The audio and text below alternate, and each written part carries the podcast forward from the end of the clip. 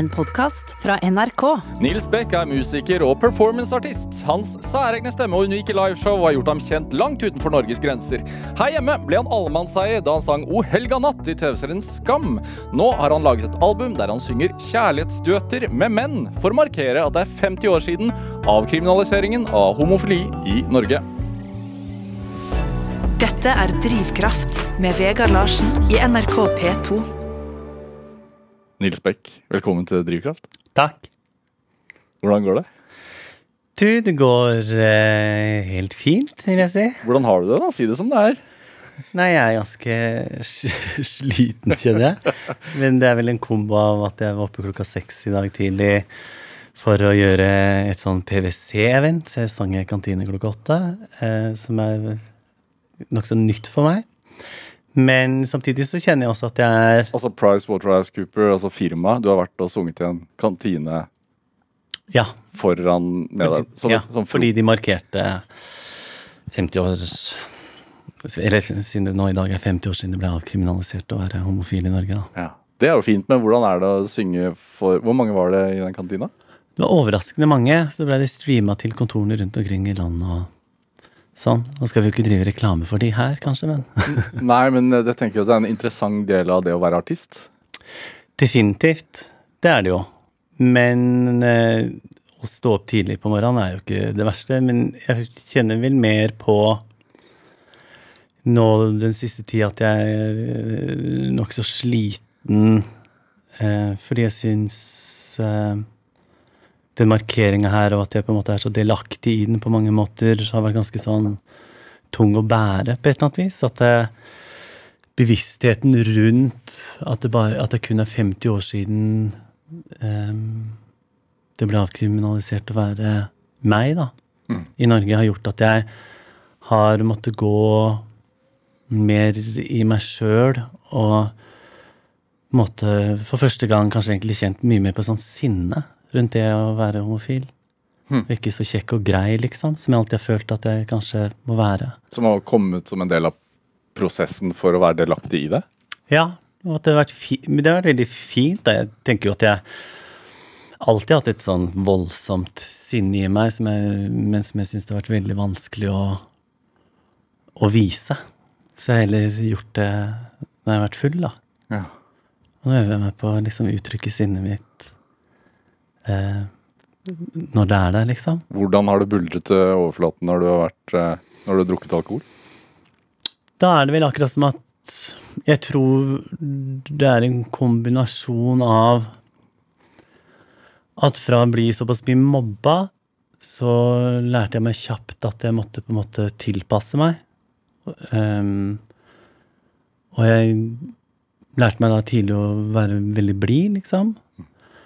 Ehm, og så um, har jeg jo kjent på nå i dag hvor det er en markering hvor um, en ekstremt viktig lov gikk gjennom, så har jeg kjent mye på at eh, om en måneds tid så er det snakk om at de skal også stemme nok en gang om eh, konverteringsterapiloven, Mhm. som jo KrF fremdeles er imot. Um, og så Om det skal, være, altså, det skal bli ulovlig å drive konverteringsterapi rettet mot homofile. Mm. Ja. Og jeg tenker nok at mye av det sinnet mitt handler også om at uh, da jeg var 19, og det her er noe jeg ikke har uh, snakka om offentlig før, så jeg syns det er uh, ekstremt skummelt. Eh, men når jeg var 19, så ble jeg også helbreda med bønn, da, for å være homofil. Og så har jeg på en måte bestemt jeg meg for at det skal jeg ikke eh, la prege meg. Og så har jeg brukt 22 år på å kvitte meg med det. Og så kjenner jeg nå rundt den markeringa her eh, og det prosjektet, duettprosjektet som jeg jobber med, at jeg ikke har klart å kvitte meg med det. og Jeg tror at det eh, også har vært med på at den delen av meg som har tenkt at jeg, jeg skal på en måte tåle alt. Ja. Men så eh, er jeg jo ikke noe bedre enn noen andre, så derfor så har jeg heller blitt veldig sint når jeg har vært full, da. Var det selvvalgt? For ja, og det du syns jeg er veldig interessant med demarkeringen her, så har jeg jo snakka om det å vokse opp i skyggen av en lov. Mm. Jeg ble født i 1981, og da var det jo ni år siden den lovhjemmelen ble fjerna, og hvor vi var i samme setning som de som hadde sex med dyr, og hvor strafferamma var det samme. Og det tenker jeg sier jo noe om folks oppfattelse av, av vår kjærlighet, da. Mm. Og at vi som folk liker å tenke på oss selv som et lovlydig folk, og hvor lovverket står sterkt i det eh, etiske eh, kompasset vårt, og da noen ganger overskygger det empatiske kompasset. Mm. Så jeg tenker jo at det at jeg hadde så mange negative opplevelser rundt det av å være meg, Mm. og at det var så få, eller mangel på forbilder i samfunnet, og all mobbinga eller en kristen oppvekst og de tingene, gjorde jo at når jeg da ble spurt om jeg ville, så svarte jeg ja, da. Ja. Og det er på Det er jo en enorm sorg i meg at jeg valgte å si ja, liksom. At jeg ikke hadde en større kjærlighet til meg sjøl Ja. enn det. Var det Var du åpen homofil, da? Ja, da hadde jeg fortalt det til en del venner. Det var liksom Det her var jo høsten etter jeg var ferdig på videregående, så hadde jeg flytta til Oslo. Men jeg hadde fremdeles ikke fått noen homofile venner. Eller jeg hadde fremdeles ikke hatt sex med en mann, eller jeg hadde fremdeles ikke hatt noen positive opplevelser med det å være homofil, da. Nei. Så jeg ønska vel en del av meg Aldri hatt en kjæreste? Resten. Nei. Så jeg ønska vel på et, et vis veldig Eller jeg hadde bare negative opplevelser rundt det, da. Aldri opplevd noe glede ved det. Og Hva tenkte det, da. Det er slutten av 1990-tallet. ja, det her var starten av 2000-tallet. Ja. Rett og slett. Og så har jeg jo fått med meg eh, den fantastiske jobben Morten Hegseth eksempel har gjort Ja, som jobber i, i VG og ja. Ja, som gjorde en serie på konverteringsterapi for vel to år siden. og sånn. Mm. Men for meg da så var det akkurat som at jeg ikke orka å forholde meg til det. At jeg var, jeg var så lei at jeg skulle definere meg, eller at jeg, at um, Det var vel en, en slags fornektelse over hvor mye det har prega meg, da. Mm. Oh. Så jeg så aldri på det, eller leste ikke sakene, eller engasjerte meg ikke i det. Og det kjenner jeg jo på en sånn skamfølelse rundt, da. Men hvordan har det prega deg? Det har jo definitivt Jeg har jo gått til sammen kanskje fem år i terapi. da, Først tre år og så nå to år nå. Ehm, jeg tenker jo at det er et traume, da. Um, Altså den hendelsen? Eller? mm, det var som Man kan jo ikke sammenligne sånne ting, men det nærmeste jeg kan på en måte Og jeg har jo aldri opplevd det, så det er kanskje litt drøyt å, å sammenligne det med det. Men for meg så tenker, føles det som om jeg ble voldtatt, rett og slett. da. Og at etter det så mista jeg en stor del av meg sjøl. Så lærte jeg meg å tenke at jeg er helt aleine i verden. At man ikke kan stole på noen. Rett og slett. Hvordan Så er jeg heldig fra naturens side med at jeg er født med et overraskende godt humør eller mm. en sterk indre drivkraft, for å si det sånn, for å pensle inn på programmet her. Men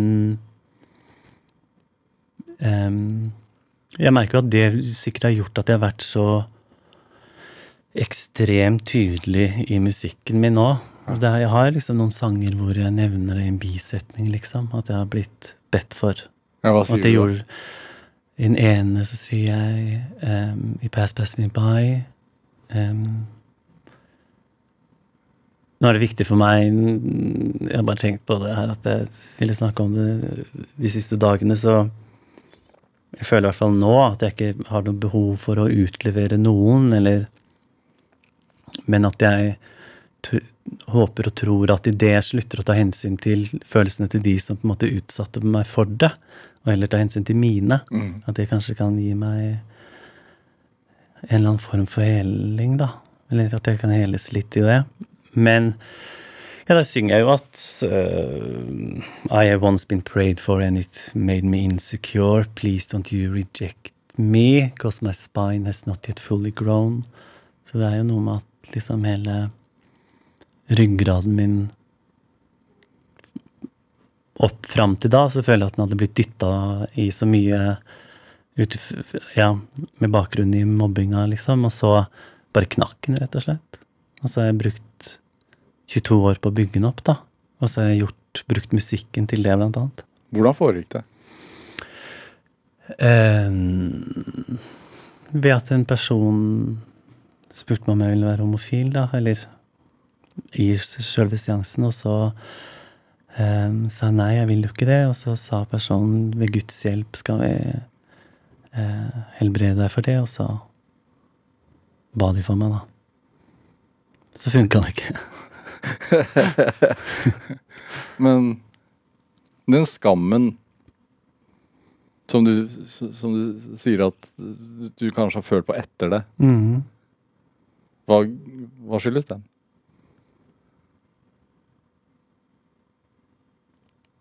Jeg veit at det jo ikke stemmer.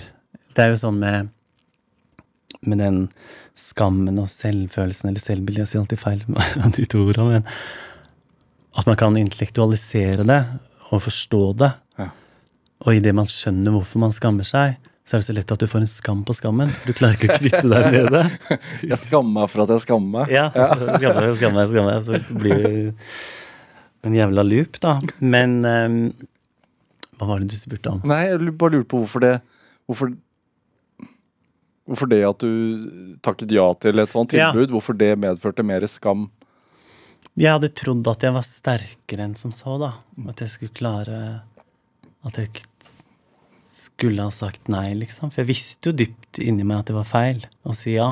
Det, det, derre- det sekundet med tvil Mm. resulterte i skam. Mm. Og jeg er jo veldig god på å være fremstå sårbar på scenen, eller eh, Og i tekstene i, dine. Ja, og i tekstene mine og i intervjuer og sånn. Um, men jeg syns i de næreste, næreste relasjoner synes jeg det er veldig, veldig, veldig veldig skummelt. Og det tror jeg da lærte av den episoden. Så nå øver jeg meg, da. På heller, sånn som i konserten i Operaen nå. Så i andre akt så var det mye humor og Fikk jeg liksom vist den delen av meg igjen, som jeg ikke føler jeg har vist på kanskje ti år.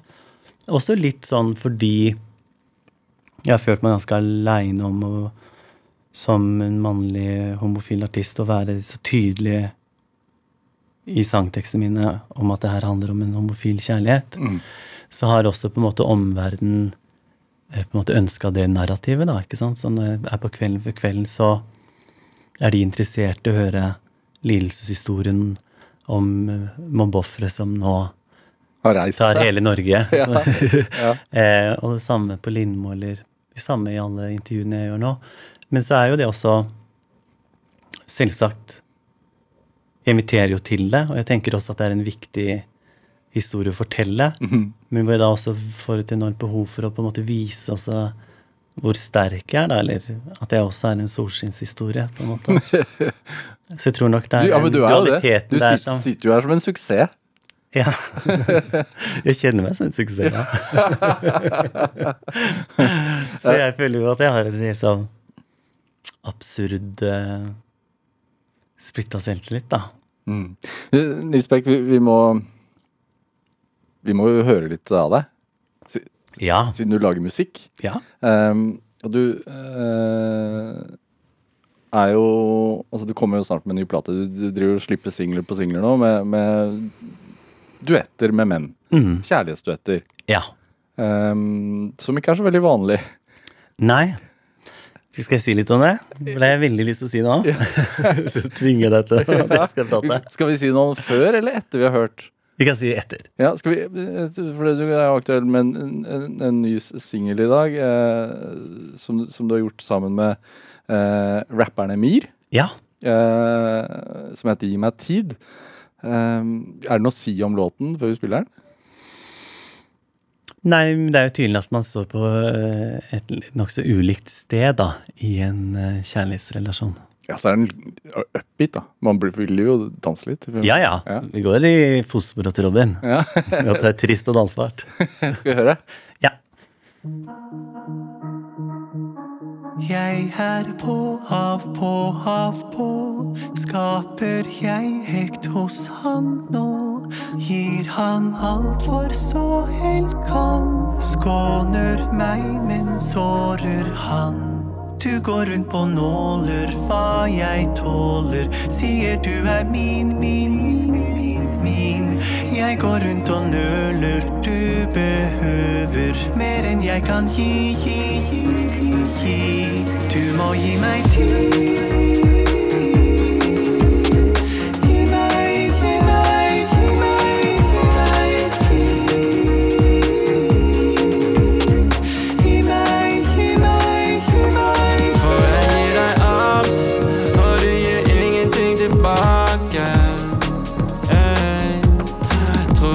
trodde vi få være med hverandre. Hey, hey. du trenger meg ned, og jeg lar det skje. Dyrker et problem, vi blir mer og mer ekstrem. Jeg er forlatt og fortapt i deg. Så si meg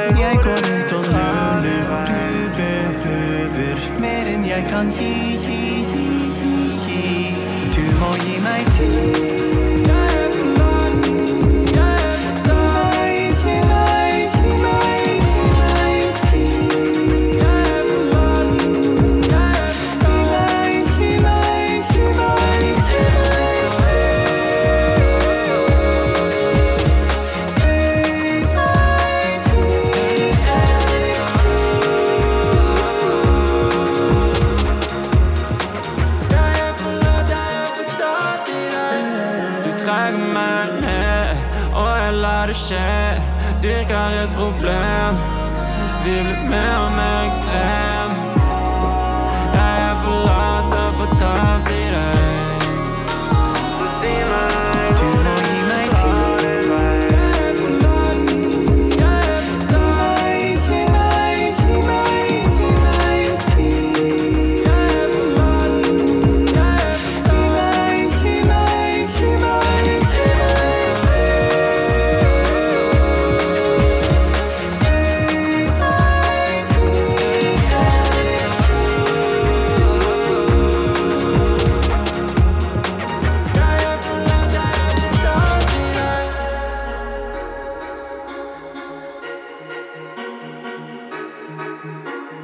Jeg er på hav, på hav, på.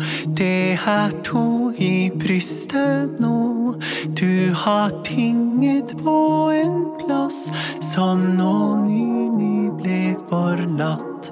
Hjertet mitt må heles mens det kreves mer enn jeg kan gi, gi, gi, gi.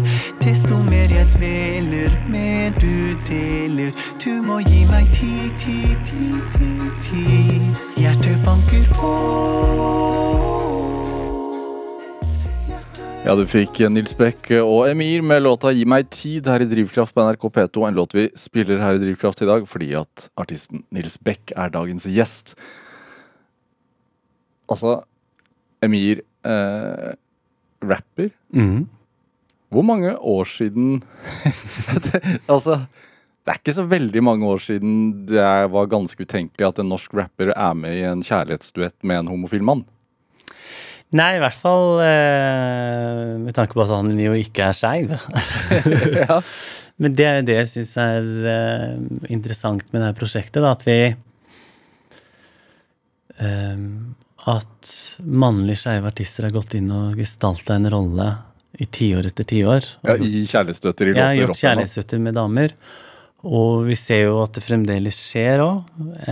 og det tenker jeg var helt fint. At alle må kunne gjøre kunstneriske prosjekter som de syns er interessante. Men da tenker jeg at tida også er overmoden på at det går andre veien. Altså at folk som ikke definerer seg som skeive, går inn og gestalter en rolle, de òg. At de sender et signal om at uh, det ikke er noe big deal, liksom. Er det Og så tenker du at det er et prosjekt. Kaller du det et prosjekt? Ja. Ja. Hvorfor det? Fordi det er noe jeg gjør bevisst ehm, Det er noe som jeg føler er større enn meg sjøl, da. Ehm, og det starta egentlig med at en kompis av meg som er i starten av 20-åra, sa Og jeg syns det var så flott med det forrige albumet ditt, altså Foolish Heart, Mm. eh, at du er så tydelig at du sier en han. Eh, for det har jeg bare hørt én gang tidligere, og da var jeg eh, 17 år, og det var med et kanadisk band hvor vokal, den mannlige vokalisten sier 'jeg savner ham'. Eh, så han hadde fått liksom gåsehud over hele kroppen. Og så tenkte jeg å ja, du som er i starten av 20-åra, er det sånn for deg òg? Har du ikke noen, noen særlige identitetsmarkører innenfor musikken, du heller? For det er jo ofte at jeg kan tenke sånn derre Er det bare jeg som har blitt gammel og henger igjen i, i og, og liksom At jeg ikke får med meg at verden går videre? Ja. 41. Ja. ja, 41, og, ikke sant? Og det popper jo opp skeive artister over en lav sko, det, det er fantastisk, men jeg savner jo fremdeles at de kanskje tydeligere i sangtekstene sine adresserer at det, er en, at det handler om en mann, da. Ja. Så at du ikke på en måte er nødt til å lese det på forhånd. Hvorfor er det så vanskelig? Hvorfor det er så vanskelig? Ja. Det har jo ikke jeg svaret på, fordi jeg sier jo han, da. Ja. Men jeg tenker vel at, det, at man At å være artist er jo et yrke, så man er jo avhengig av å nå ut. Og at eh, man tror kanskje, tenker kanskje at det kommersielle markedet ikke er klar for det. Jeg husker på, for seks-sju år siden så var jeg på Robinet og snakka med noen i P3-redaksjonen. Da sa jeg tror du det er vanskeligere å få lista en sang hvis jeg sier 'han'? Mm. Det svarte vedkommende ja, dessverre, det tror jeg. Um, og det sier jo noe, men så er det jo fantastisk da med nå Ramón, som har satt norgesrekorden nå, hvor han i den sangteksten sier 'han', da. Mm. Når han framførte den på støttekonserten eh, fra Nationaltheatret i forbindelse med Ukraina-krigen, så, så fikk jeg en sånn enorm klump i halsen. Og det skal mye til. jeg er ganske hard. Hvorfor, hvorfor rørte det deg? Det er første gang at jeg har sett på en norsk TV-skjerm at en annen mannlig artist sier han, da, i en kjærlighetssang. Og det tenker jeg jo sier noe om at det ikke er nok musikk der ute. Og så Ja, så derfor så er det et prosjekt. Jeg har lyst til å fylle det, som jeg jo sa i det første presseskrivet mitt, eh, tomrommet i den norske sangboka, hvor kjærligheten vår ikke er representert. Så er det fantastisk med Girl in Red og eh, og flere av de andre kvinnelige skeive artistene, men det er nå engang sånn at vi på mannesida så henger vi lenger etter, liksom. Det er gudene veit hvor mange år siden filmen 'Fucking Åmål', Mhm. men det er ikke så mange år sia Even og Isak i Skam. Nei. Og så ser vi nå at innenfor TV og um, film så er det blitt en helt naturlig del, mens jeg har fremdeles til gode å se en ballett, eksempel. Med to Bare- De to skeive hovedkarakterer. Mm. Eller um, til gode da å høre en kjærlighetsduett mellom to menn, som ikke jeg har vært med å lage, da. Ja. Og det betyr jo ikke at den ikke finnes. Eh, Så mye nøye research har jeg ikke gjort. Men det sier noe om hvor få det er av de, da. ja. Er det Og derfor så er det et prosjekt. Et bevisst prosjekt. Ja. Du, hvordan er Føler du deg litt som en fanebærer for tiden? Jeg føler at det er mange fanebærere, jeg. Ehm, jeg har jo kjent en del på at kanskje folk kan tenke sånn Jo, men er dette en greie, da? Liksom. Ja. Ehm, men så så mange har fått med seg, og det ble et nyhet, nyhetsoppslag òg, i det Sondre Justad fortalte at han har en mannlig kjæreste, og, og hvor han var ganske tydelig på at det har vært en, en utfordrende prosess for han å skulle eie det offentlig. Så tenker jeg at det sier jo noe om at det er en sak, da. Og at kanskje vi i musikkbransjen har kommet litt kortere enn resten av samfunnet. Det var som Nå er jeg jo signa på Universal, og når jeg hadde møte med de, så sa jeg det at jeg syns det er en mangel på representasjon av min kjærlighet i populærmusikken. Og det er vel og bra at dere og de store plateselskapene leier en flåte under pride, men det er ikke nok. Mm. Og da eh, sa de det har du helt rett i. Ja. Vi har sovet i timen. Tusen takk for at du, at du eh, informerer oss om det her. Um, så jeg er jo for eksempel, siden det i dag er jo 50 år siden, eller det er 50-årsmarkeringen, så er jeg veldig spent på for eksempel hvordan Spellemannprisen vil adressere det i morgen, eller at vi som bransje, da, hvordan vi møter det her. Det at det blir nyhetsoppslag, Mm. skulle du helst Altså, er det en hva, hva tenker du om det? Det er vanskelig. altså Det er nyhetsoppslag hver gang for eksempel Sophie Elise har en flørt, da. Altså, så det, altså, kjærlighet er jo, er jo ofte Kjærlighet selger. en, ja, Ja. en lett klikk, liksom. Ja. Em, men jeg tenker jo at det sier noe om um, hvor få det er som på en måte er fullstendig åpne offentlig, da. Mm. For det er jo veldig mange av oss, av, oss, av de mannlige sangerne. Mhm. Var det sånn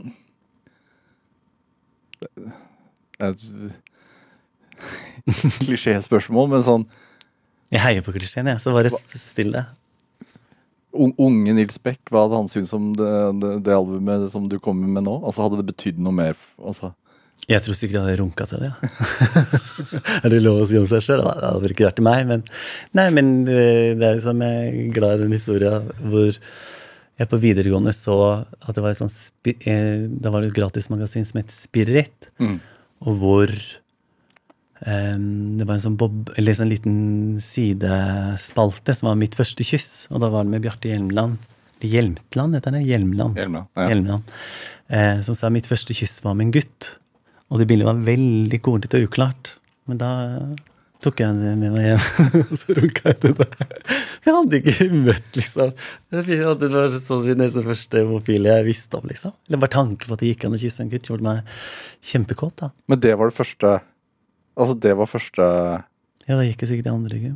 Men altså, Det det var var ikke noen homofil i Drammen heller. Nei. Hvor er du vokst opp? På Vikersund. Hvor er det? Det er jo åtte mil fra Oslo, så det er ikke så langt. Men samtidig så slutta jo toget å stoppe der eh, en gang på slutten av 80-tallet. Så da hadde vi en stor aksjon i, i Vikersund hvor eh, blant annet onkelen min, som eh, er billedkunstner, hadde malt en svær banner hvor det sto 'Stopp toget, vi vil på'. Men så er han ordblind, så han stava 'vill' med to l-er. og da stoppa toget, da. Så tok vi toget til Drammen, og så spiste vi på pizzarestaurant, og så tok vi bygda bussen hjem igjen. Så selv om det ikke er så langt unna, så føles det veldig langt unna. Er det øh, Det ligger ved Tyrifjorden. også. bondegårder? Det er bondegårder. Jeg vokste opp på et jorde eh, på andre sida av jordet for småbruket som faren min vokste opp på. Ja, så altså, hans øh, familiegård. Altså, så, du, Mm. så det var mye slekt. Ja, eller ja, ikke så stor slekt, da, men det var i hvert fall tvillingbroren til eh, pappa og familien hans da, og farmor, som bodde der borte på det tunet. Eh, Trygt, trygt da. Ja, veldig. Ja. Veldig. Det var ikke så mye sykkelhjelm og, og knebeskyttere, for å si det sånn. Men um, Og selvsagt er det altså det er ikke et kjempelite sted, liksom. Men det har ikke noe lyskryss, for å si det sånn. Um, så jeg drømte jo alltid om å på en måte vokse opp på et boligfelt og Rekkehus, liksom. Ja. Tenk å bo i rekkehus. det var liksom drømmen, da. Ja. Fordi jeg er veldig sosial av meg. Fra liten av.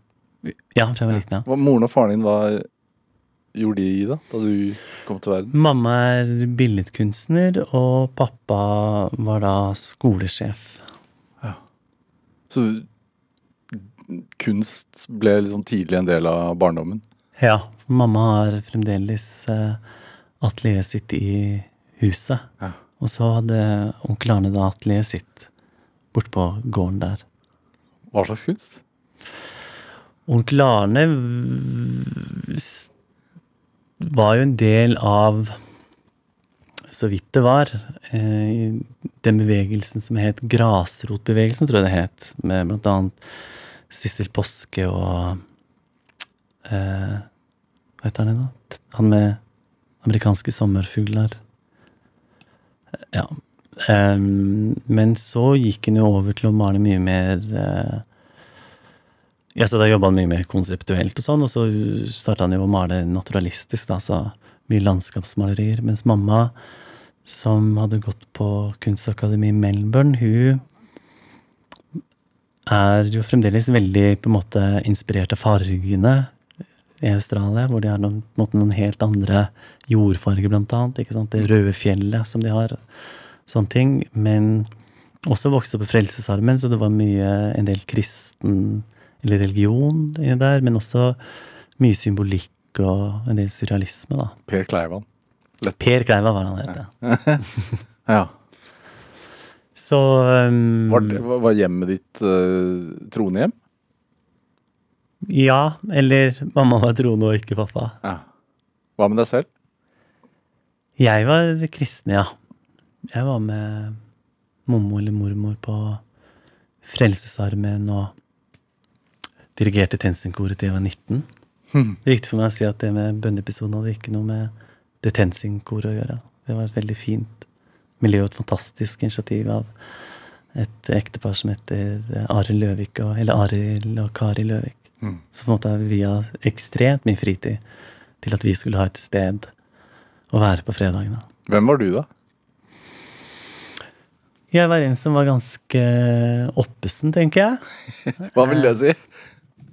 At jeg var veldig frampå. Men også ganske følsom, liksom. At jeg var veldig bevisst på eh, andres folk, eller andre folk sine følelser, rett og slett. Og så følte jeg meg veldig populær og hadde det helt topp fram til jeg var ti. Og så var jeg med i en barnemusikal her i Oslo på Chateau Neuf som het Oliver Twist. Mm. Og da blei jeg veldig høy på pæra. Altså. Hvem spilte du? Jeg var bare en av eh, guttebarna, liksom, i barnehjemmet der. Ja. Og så var jeg reserve-Oliver, da. Så hvis eh, Oliver ble sjuk, så skulle jeg liksom steppe inn, men det skjedde aldri. Da, Ja, da ble, da ble landsbygda for liten. da ble landsbygda for liten, fordi jeg hadde jo både smakt taco, vært på McDonald's, eh, begynt å bruke deodorant. Det var det ingen av gutta på Vikersund som gjorde. Eh, så da ble jeg ganske høy på pæra, ja. Ja. Så da tenkte, tror jeg nok de tenkte at han her må jekkes litt ned. Og så er det jo sånn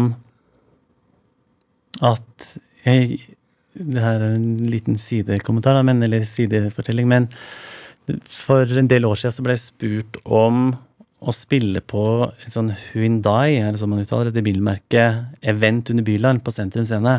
Så det var grådig mye penger involvert. Men for at man skulle gjøre det, så måtte man bli intervjua av en jeg tror det var P3-journalist i en, en av bilene deres. da. Og så tenkte jeg, som snobben jeg er, eller i hvert fall var, ehm, at sånn gjør vi ikke samtidskunstmiljø og sånn og sånn. Men hvis jeg gjør en twist på det, hvis jeg konseptualiserer det, så kan det jo funke. Så jeg sa ja, jeg gjør det, men da skal vi gjøre det som ehm, Hvis Peder Kjøs kjører bilen, og så gjør vi det som en terapisession. Og jeg var veldig nysgjerrig på den perioden her om Kjente mye på hvem hadde jeg vært om jeg ikke hadde blitt mobba i oppveksten. Hadde jeg kanskje ikke vært så kjapp til å gå i angrep. At jeg har følt at jeg mye har lett har kunnet stikke før hvis jeg har vært redd for at noen skulle stikke meg. Altså verbalt, da. Mm. Um, og ja, rett og slett. Så da gjorde jeg det, da. Mm. Men uh, Det at du, det at du bygg, har bygd opp en sånn hva skal man si, teknikk, da. eh, fra ung alder. mhm. Hvor vanskelig er det da å slippe folk inn? Jeg tenker at det har vært eh, I vennskap så har jeg vært Syns jeg det er veldig lett å slippe folk inn. Eh, så jeg føler meg veldig heldig som har mange nære, gode venner som jeg har kjent nesten hele voksenlivet mitt. Mm. Mens kanskje i kjærlighetsrelasjoner så bruker jeg ekstremt lang tid på å bli trygg, da. Det er vel noe kanskje i bunnen der hvor jeg er ekstremt redd for å oppleve den avvisningen som den bønneepisoden var for meg, da. Igjen, liksom. At jeg er livredd for å Jeg føler at jeg en gang i livet har knokket, liksom. Så jeg er redd for å knekke igjen. Rett og slett. Blir det da også et sånn år Årlangt prosjekt å liksom bli ferdig med det? Liksom. Mm. Jeg har jo hatt perioder hvor jeg tenkte at nå er jeg ferdig med det, og lagt det bak meg, og så har jeg skjønt at jeg tydeligvis ikke har det. Og så er det da én ved å måte si det offentlig, som jeg sa i stad, så tenker jeg at jeg gir fra meg ansvaret for hendelsen og legger den over på de som gjorde det. At jeg ikke tar hensyn til de, deres følelser, men hensyn til mine. Mm. Og to, at jeg tenker det er en viktig ting å, å snakke om, all den tid det lovforslaget eller forbudet mot konverteringsterapi ikke har gått igjennom. Um, fordi fra og med i dag så forbanner jeg meg på at jeg i hvert fall skal gjøre alt jeg kan for at ingen skal oppleve det jeg har opplevd. da. Eh, Nils Beck, du, du snakket jo om uh, samtidskunstmiljøet. At uh, man skulle ikke inn i en Hundai når man representerer det. Og det, altså, Det tidligere vært en Tesla. Da. ja, men, men mitt altså, første eh, oppdagelse av deg var på slutten av 2000-tallet. Da opptrådde du på en del sånn, galleriåpninger rundt i Oslo. Mhm, Eh, ofte med en sånn gardintrapp. mhm. Eh, og det var liksom i, i spennet mellom performancekunst og, og en, en, eh, en artist som fremfører en låt. Mm. Det krever ganske mye selvtillit. Ja, det er vel der jeg er heldig fra naturens side òg, da. Men samtidig så tenker jeg jo, apropos drivkraft, at um, det at jeg følte at jeg tilpassa meg så mye på Vikersund, samtidig som jeg ikke gjorde det òg. Altså, jeg er faen meg en hard negl. Um, og så forbanna jeg meg på at jeg i hvert fall aldri skal gjøre det på en scene. Og at det på en måte var mitt sånn frirom da, til å utforske ting jeg ikke engang var klar over hvorfor. Jeg visste at jeg Idet jeg starta med solokarrieren min og lanserte den gardintrappa, så, så kjente jeg på en sorg over at jeg aldri hadde fått muligheten til å danse. For på Hilde Hovdes ballettskole på Vikersund så var det ikke lov for gutter. Sånn var det på 80-tallet. Um, så da hadde jeg lyst til å utfordre meg hvordan Eller for jeg syntes det var skummelt da, å skulle bevege meg. Men hvis jeg har en trapp, så har jeg noe å jobbe med. hvordan komme seg opp til trappa, hvordan komme seg ned, hvordan bevege seg til trapp, på trapp. Um, og så var jeg veldig heldig, for jeg blei Idet jeg flytta, eller ikke så langt etter jeg hadde flytta til Oslo, så møtte jeg en gjeng som gikk på kunstakademi, da, som tok imot meg med åpne armer og var veldig åpne for for eh, alle sider ved meg, rett og slett. Mm. Og de tenkte jo veldig konseptuelt, da, som samtidskunst ofte gjør. Eller i hvert fall en del av det. Og det gjorde at jeg også begynte på en måte å, å konseptualisere opptredenene mine litt, da. Skal vi høre på altså En av de låtene du fremførte da, var en låt som heter 'Contemporary Dancing'. Ja, den eh, Som handler jo om å Ja, den er rett i Hilde Hovdes ballettskole, den. Ja, Skal vi høre litt? Ja, det, det, selvsagt. det, var- det, det, det, var jo på engelsk. Det var før du begynte å synge på norsk. Ja. Ehm, ja, la oss høre.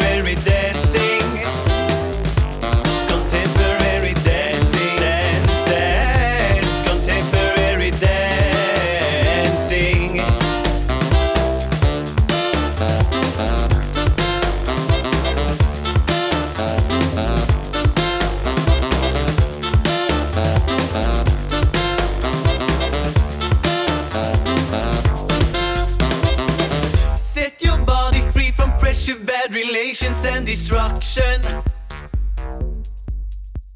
Ja, du fikk en eh, smakebit eh, av Nils Beck sin låt 'Contemporary Dancing' her i Drivkraft på NRK P2. En låt vi spiller i dag fordi at Nils Beck er dagens gjest her i Drivkraft. En låt som var med på en plate fra 2010. Så det, Ja, fra debuten. ja, så det er tolv år, tolv år gammelt, men det var en låt du lagde før det også. Ja da. Da hadde fått kjørt seg den. Ja. Men det, altså det Det med eh, Har du alltid ønsket å altså, Tenker du at du er politisk i musikken din?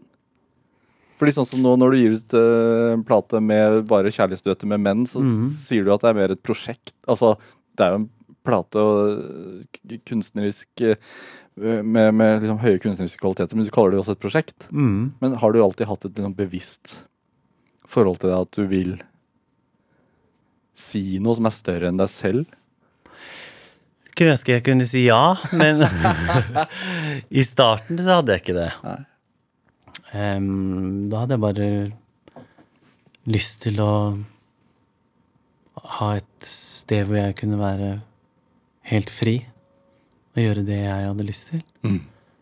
Um, Hva skjer med deg når du står på den Sto på den gardintrappen, eller når du står på den scenen? Jeg tenker jo at jeg pusha meg sjøl til å tørre å være meg, da. Vi hadde mange år hvor det var liksom sånn tre doble whisker før jeg gikk på scenen. Mm. Og så skjønte jeg at det her er jo en dårlig dårlig løype å gå. Eh, så da bare slutta jeg å gjøre contemporary dancing. jeg synes jeg kjente på sånn åh, jeg ikke, føler meg ikke så glad i dag. Jeg. Må jeg stå her og være så jævla glad i den låta? Og så um, begynte jeg bare å lage triste låter, for jeg syntes det var mye enklere å måtte stå i det triste. Selv om jeg hadde det bra privat, da. Ja. Er det Hvorfor er det sånn at man ofte stå, ønsker å lage musikk, kunst, filmer om det triste?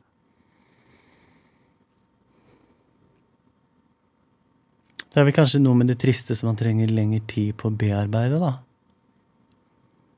Ehm, og at det på en måte, man kan oppleve at det hjelper å gå tilbake i det. Mm.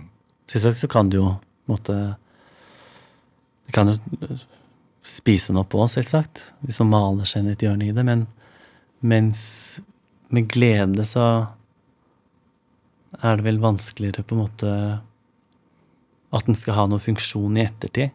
Ved å på en måte prøve å gjenskape noe som var veldig gøy. Eller å, skal vi ikke gjøre den ikoniske eller legendariske hytteturen en gang til? Og så blir det ikke helt det samme. Så Veldig prøve å skape noen nye, fine, lykkelige øyeblikk, da. Hvordan får du en idé, da? Jeg tenkte jo Jeg ville jo Fra jeg kanskje var ni, så var jeg veldig bestemt på at det var operasanger jeg skulle bli. Og det fram til jeg kanskje var 22-23 eller noe sånt.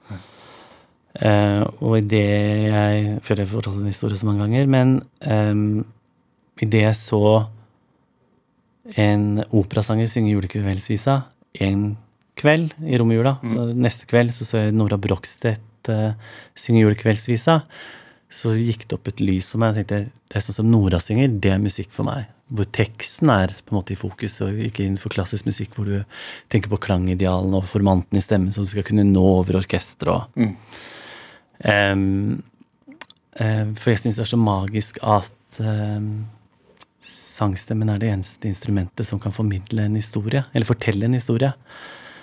Uh, og så tenkte jeg, men hvis jeg ikke skal bli operasanger, da må jeg jo inn i popverden, da. Men jeg er jo ikke noen typisk popsanger. Jeg er egentlig en bassbariton i registeret mitt før jeg begynte å utforske falsetten. Um, og jeg har jo en klassisk skolering som man på en måte kan ofte høre. Jeg har jo fått mange kommentarer på engelskuttalen min, og når folk tror at det er noe jeg har bevisst gått inn for, for at det her skal være artig og sært. Men det er nok heller sånn at uh, jeg har tydelige konsonanter, og jeg har lett for å synge på vokalene, og at det henger igjen for den klassiske skoleringa, da. Um, men samtidig så har jeg Idet jeg skjønte at ok, nå skal jeg dyppe tåa inn i den popverdenen, hvorfor skal jeg ta den plassen? Da tenkte jeg, da må jeg vel i hvert fall si noe som er um, personlig, da. Mm. Og ikke gå inn og kopiere noen andre. Jeg syns det er fascinerende når jeg hører noen intervjuer og sånn at sangere som har gått inn, og så har de bevisst satt sammen hvordan um, hvordan de synger. Altså, jeg henta de og de delene fra Chet Baker, og så tok jeg det fra Aretha Franklin, eller ehm, Jeg tenker jo at det vakre med stemmen er at den er så personlig at, at eh, det skal mye til, eller gjerne et par drinker i, i ene, gjerne en i hver fot, før folk tør å synge. Og at det er magien ved det, da. Så da har jeg lyst til at også innholdet i det jeg synger, også skal være personlig. Ehm, for det er jo ikke sånn at jeg tvinger noen til å gå på konsert med meg, eller tvinger noen til å sette på albumene, eller ehm, Så det er på en måte sånn jeg gjør min kunst, da. Har det vært lett for deg å være kompromissløs? Altså sånn at du ikke velger å føye deg, men at du helt sånn tydelig har valgt å gjøre din greie? Altså det tenker Innenfor popverden så, så er det lett å tenke dette her vil bli en hit. Mm. Ehm, først vil jeg si at jeg føler meg veldig heldig som har jobba såpass mye innenfor samtidskunstfeltet, for der har jeg alltid følt meg veldig heia på. Mm. At uh, det har vært overraskende lite um, murring om at jeg, som jo egentlig er en sanger og ingen formell kunstutdannelse, har fått arbeidsstipend som billedkunstner, og på en måte at uh, Og hvor jeg har fått bekreftet at styrken min ligger i at jeg er et sted midt imellom, da. Men innenfor Musikk-Norge så føler jeg liksom både og. At jeg har blitt heia på, men samtidig gått litt i eh, motvind. Jeg syns det jo er Sånn som nå når Ny fyr med Christian Christensen kom, så var det jo første gang Og det her blir jo mitt sjette album, da. Så var det første gang jeg er, eh, ble lista på P3, for eksempel. Og at det på mange måter kanskje måtte Julian dem sitt sånn stempel til for via Skam at liksom Mm. At jeg var enkel å eie. Men det er også en sånn splittelse i meg som lurer på For jeg tenker jo at jeg lagde altså Contemporary Dancing jeg synes den skulle vært lista for tolv år siden. Ja, altså en banger. Og så er det sånn, men hva da? Er det engelskuttalen? Er det det at det er liksom Alt er litt skeivt på et vis? Var det vanskeligere å på en måte ta i meg for for tolv år siden fordi jeg var så tydelig homofil, da? Um, og så har jeg blitt fortalt opp igjennom at ja, men Nils, du må slutte å henge deg opp i det, og sånn og sånn. og sånn. Er det lett å gjøre det? Både og. Jeg syns det er veldig lett å dure videre, jeg. Eh, at, eh, men Men jeg syns det er Jeg føler mer at jeg, jeg sjøl har blitt bedre på å tillate meg å kjenne på de følelsene. Ja. Og at jeg tenker Jeg leste um, for et halvt år siden sånt, en bok som jeg ofte snakker om, men eh, av Kamara Lundestad Jof, som heter 'Jeg snakker om det hele tida'. Som er på en måte historier fra hennes liv eh, eh, omkring rasisme, da. Eh, og hvor i det ene kapitlet så så er hun i København, og det her er i hvert fall sånn som jeg husker det. Det er jo en stund siden jeg leste boka, så, så jeg skal ikke si at sånn er det. Men så er hun på en bar i København hvor det er en dame som bruker N-ordet. Og så går hun i en sånn indre reise i seg sjøl. At sånn Ja, ok. Nå føler jeg at det er viktig for meg at jeg sier ifra om at det her er ikke greit. Samtidig så har jeg ansvaret for at det ikke skal bli dårlig stemning rundt bordet her. Um, og i tillegg så vil jeg ikke framstå så vanskelig. Og så sier hun det på en veldig fin og ålreit måte, og så begynner vedkommende å gråte, og så sier hun sånn Ja, ikke sant, fordi folk, når folk har sagt det til før, jeg er jo ikke rasist, jeg er jo lalla, så innser hun å ja, det her er ikke av uvitenhet du sier det her. Det er fordi du tillater deg å gjøre det. Eller du sier at ja, klart jeg kan det, jeg er ikke rasist, men jeg skal få bestemme hvilke rasistiske uttrykk jeg benytter meg av. Ja. Eh, og, i, og da eh, satt av skapet på plass. Dreit i hva de andre hvordan det påvirka kvelden til de andre, eller å skulle trøste henne, eller at hun kjente på Å ja, er det mitt ansvar å trøste deg Det jeg prøver å stå opp for meg sjøl? Ja. Og det inspirerte meg veldig til å kjenne mye mer på en sånn side av meg sjøl som er i forbindelse med den markeringa her, og at jeg egentlig er jævlig sint. At jeg er drittlei av å bli fortalt at hvis At jeg har, jeg har en tvil i meg som lurer på om jeg aldri har blitt lista før nå Mm. fordi jeg er skeiv. Mm. Det er en helt uh, adekvat følelse. Den må jeg få lov til å ha. Og da er jeg helt sånn ferdig med at folk skal si si sånn Nei, men det er vel kanskje ikke derfor. Nei, kanskje ikke. Hva veit jeg? Men i mitt liv så har jeg opplevd det mange nok ganger at folk har fordommer til at den tvilen som bor i meg, den er helt eh, Det er ikke noe jeg dikta opp. Hvilke andre fordommer er vanlig å møte? Jeg tenker jo det er en enorm forskjell på å være en feminin homofil mann og en maskulin homofil mann. At det, eh, å kunne velge selv når du er åpen om, om eh, kjærlighetslivet ditt, eller Jeg blir jo alltid lest som homofil. Jeg ble jo fortalt eller kalt jævla homse før jeg en gang sjøl hadde tenkt tanken om jeg var homofil. Ja, og det er fremdeles et av de mest brukte skjellsordene i skolegården. Så. Ja, og det tenker jeg jo også mye på at Som jeg sa tidligere, at jeg kan kjenne meg litt sånn sliten av at jeg alltid liksom I hvert intervju skal vi inn i den gata her og I dag er det ikke så Nei. rart da, at vi Nei, prater om det. nei, nei, og jeg har bedt om det selv. Ja. Altså, herregud, jeg, jeg har et dødt prosjekt med kjærlighetsstøtte mellom menn, og det har ikke skjedd før i norsk historie, vil jeg si sjøl, i hvert fall. For å gi meg sjøl litt ros. Um, nei, og det er jo ikke noe rart i det hele tatt, men um, Men um, Du bør gi deg ros. Takk. Du er modig, da. Ja, jeg tenker jo det sjæl, jeg, altså. Men jeg kjenner at jeg, ja, som sagt, er litt sliten av å dra det lasset, men samtidig så føler jeg at så lenge jævla homo, jævla hore, og nå, som er også helt absurd å tenke på, så har jøde dukka opp igjen Ja. i skolegården, så sier det noe om oss menneskedyret, da. At eh, hvis vi slapper av et kvarter på de her spørsmålene, så går vi liksom tre skritt tilbake. Det ser vi eksempler på rundt omkring i Europa, eller man ser det i forhold til abortlovgivninga i USA, eller Og at det er sånn For å gå tilbake til den eh, carpool eh, psykologsessionen jeg hadde med med Peder Kjøs. Peder Kjøs, så sa han sånn det, at, Sånn som jeg husker det, da, så nå skal ikke jeg ikke sitere Peder, eh, for det her er, men det her er i hvert fall de, sånn jeg husker det. Så sa han at um, mennesker er flokkdyr, og vi har eh, enorm eh, Eller vi har et stort behov for å um, tilhøre en gruppe. Og spesielt i de formative åra i puberteten så kicker jo det veldig inn, for da er det jo for, første gang da og i trassalderen at man liksom definerer Sånn er jeg.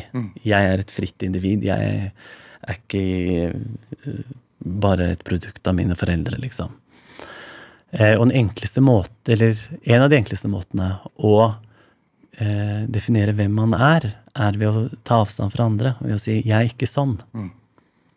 Så for å på en måte gi uttrykk for at jeg er ikke homofil, så er det en enkel måte å gjøre det på, er ved å si 'jævla homo', for eksempel.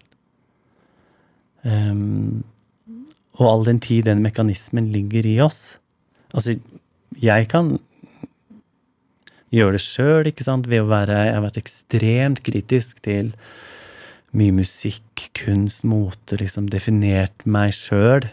Hva jeg syns er bra, hvem jeg er som kunstner, ved å ta avstand ikke til andre. Ja, ikke sant?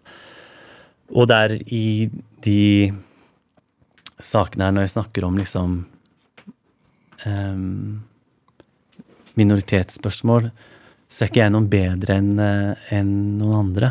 Jeg har også masse å lære, og jeg trenger å bli korrigert. Og så øver jeg meg på å ikke gå i forsvar, da, og heller si oi. Det tenkte jeg ikke eh, Det var ikke meninga, men takk for at du gjør meg bevisst på det. I stedet for å gå inn i diskusjon rundt det. Det bør vi alle kanskje gjøre. jeg, jeg tror at det gjør at vi kommer videre, istedenfor å bare stå i en evig krangel, da. Nils Beck, en time går veldig fort. Hva, hva, hva, tenker, hva tenker du er din drivkraft? Det er jo at uh, jeg skal finne tilbake til uh, den jeg var før uh, folk begynte å fortelle meg hvem jeg ikke skulle være, da. Jeg føler jeg er godt på vei. Tusen takk for at du kom hit i dag. Takk for meg. Hør eh, flere samtaler i Drivkraft på nrk.no eller i appen NRK Radio. Send oss gjerne ris og ros og tips til mennesker du mener har drivkraft. Send den e-posten til drivkraft-nrk.no Vi hører gjerne fra deg. Produsent i dag var Ellen Foss Sørensen, og Julia Martincic bidro med research til denne sendingen. Dette var Drivkraft. Jeg heter Vegard Larsen. Du har hørt en podkast fra NRK. Hør flere podkaster og din NRK-kanal i appen NRK Radio.